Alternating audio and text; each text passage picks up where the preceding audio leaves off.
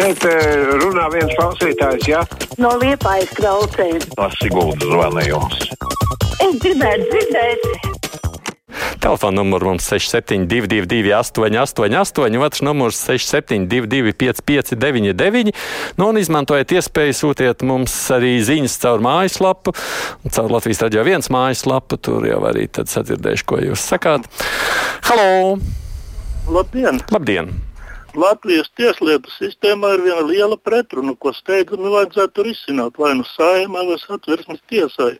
Un proti, atcerieties, tad um, Covid pandēmijas laikā Jensīša sektā policija aizturēja gan tiesnesi, gan prokuroru par noteikumu pārkāpumiem.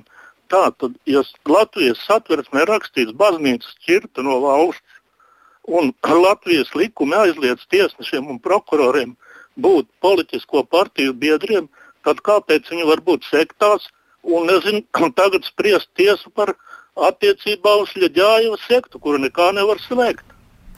Tiesnesis vienmēr eh, skatās, lai viņam nebūtu tiesneša ja interešu konflikts, un ja viņš ir attiecīgs draugs vai, nu jā, šajā gadījumā, jebkuras organizācijas biedrs, viņš, viņam sevi ir jāatstat no lietu lemšanas, tas ir skaidrs. Visādi citādi mums ir reliģiskā brīvība. Mums patīk vai nepatīk kāda no reliģijām, arī tiesnešiem ir tiesības ticēt dievam un būt kādā no draudzēm. Sveiks, Aidi, raksta viesturs jāatzīst manas domas par prezidentu Rinkēviču ļoti mainījušās. Pēc mēneša amatā viņš Latviju ir apceļojis vairāk nekā Levits pa četriem gadiem, un ir tādas aizdomas, ka viņš nebūs viena termiņa prezidents. Gribētu, lai prezidentam būtu lielāka teikšana. Atvilka ministrus paklāja, ir šitā vajag tā, vai tas ir jānovērš, un viss nevar uz redzēšanos. Viestur gribat tā kā Krievijā vai Baltkrievijā, vai ne? Halo! Uh, labdien! Labdien! Uh, es šodien noklausījos to raidījumu par vakardienu, par slimnīcām. Man tāds jautājums ir gan kā darbiniekam, gan kā, kā pacientam. Uh, man tāds jūtas, ka viņi tabulā skatoties, liekas, ka viņiem nu, tās Rīgas un lielā slimnīca ir no gumijas.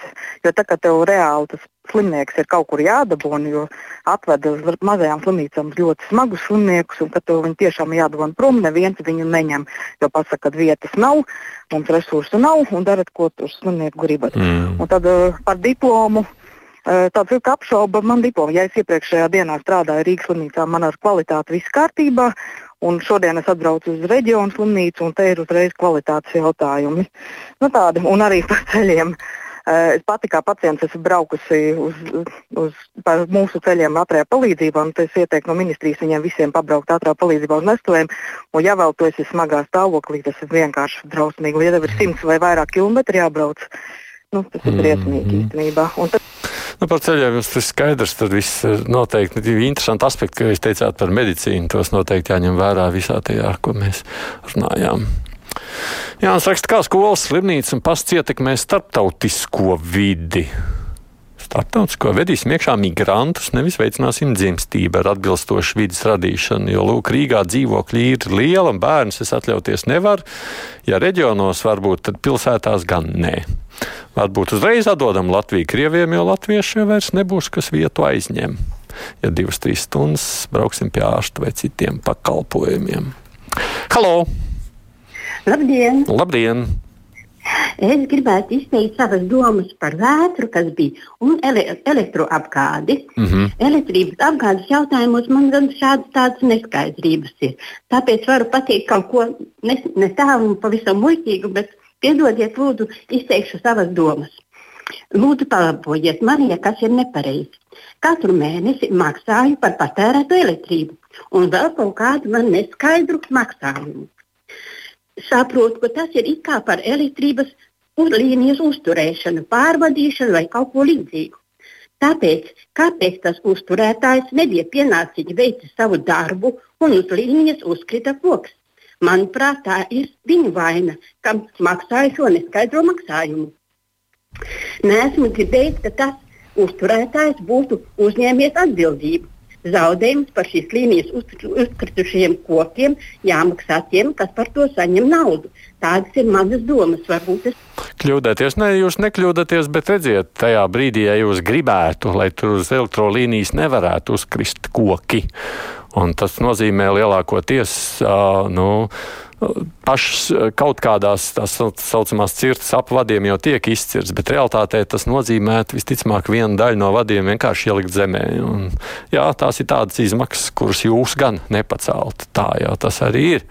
Protams, es, nu, tā būtu pilnīgi atsevišķa saruna par to, vai nu, kā tiek tērēta nauda sadalījuma tīklos, ko to es vienkārši šeit nebūtu tas, kas spriež. Bet realtātē, protams, nu, viss maksā tik, cik maksā. Un, nu, Latvijā jau nu šie vadi iet cauri koku teritorijām.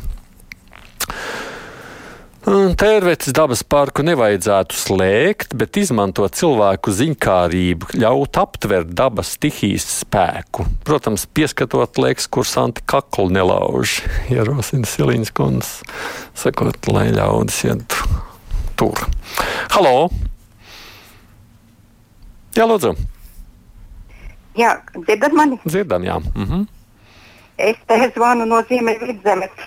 Man cita tēma. Te viņa nedēļ runāja divas sievietes un sašutušas bija par ziņām no Ukrainas. Visu laiku tikai par Ukrainu. Un, protams, arī mums ir, man, man arī man visiem ir žēl Ukrainas izpostīto pilsētu cilvēku iznīcības. Un tomēr jautrībā es viņam pateikšu, lai viņas paskatās te vienu video, ko vien, arī rādīja nesen, kas tas bija nedēļa atpakaļ. Nu, interesanti, nu, amizanti.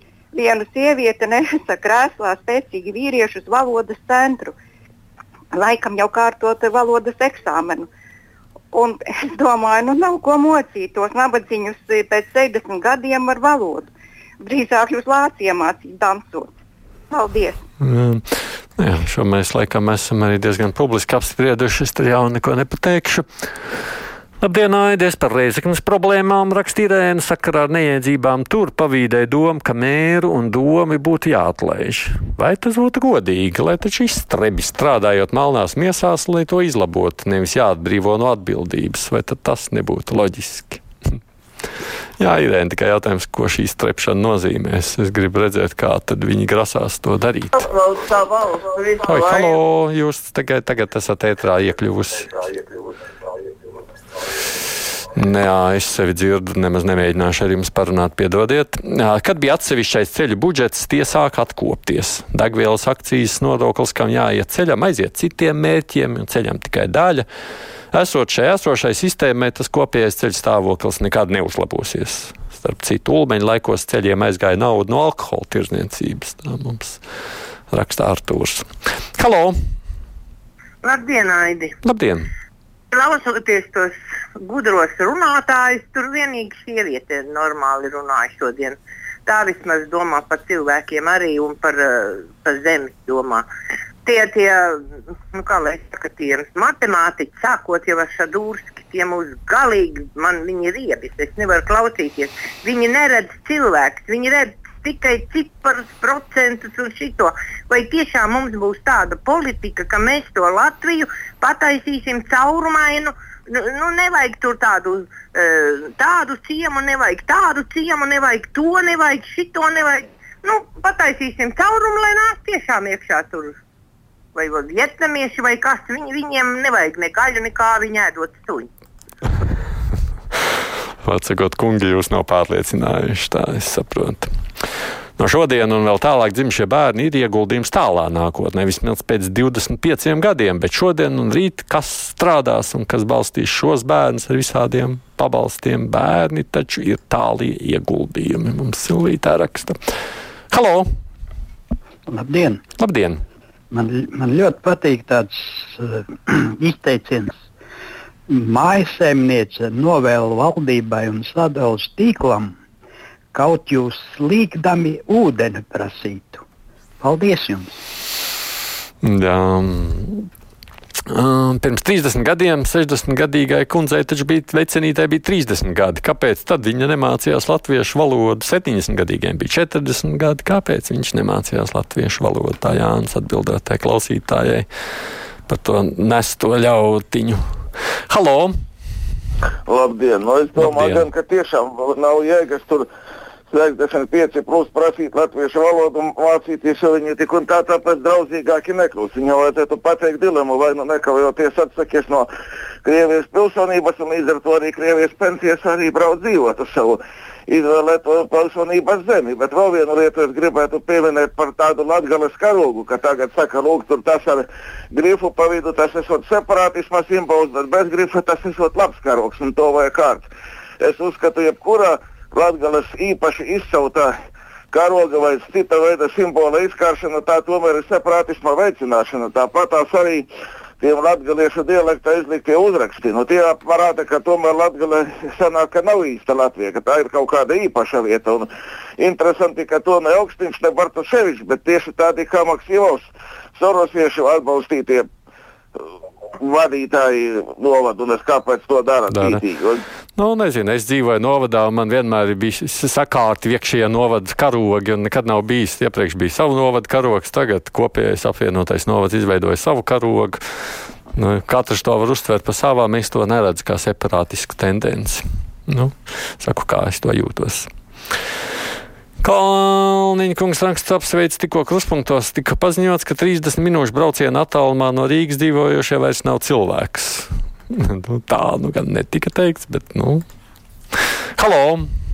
Halo, labdien! labdien. Ādas pirmais no kurzemes, apmēram 24 km attālumā no attiecīgā centra dzīvo tur ģimenes, un ne tikai viņas, kurā vienā bērns mācās 7. klasē, vienai 9. Mm -hmm. Tad viss beidzās ar to, ka uh, autobusu no šī maršruta pat norāva nost vispār. Viņš tur tagad neiet. Nu, tā ģimenes aizvācās, protams, no tāda centra.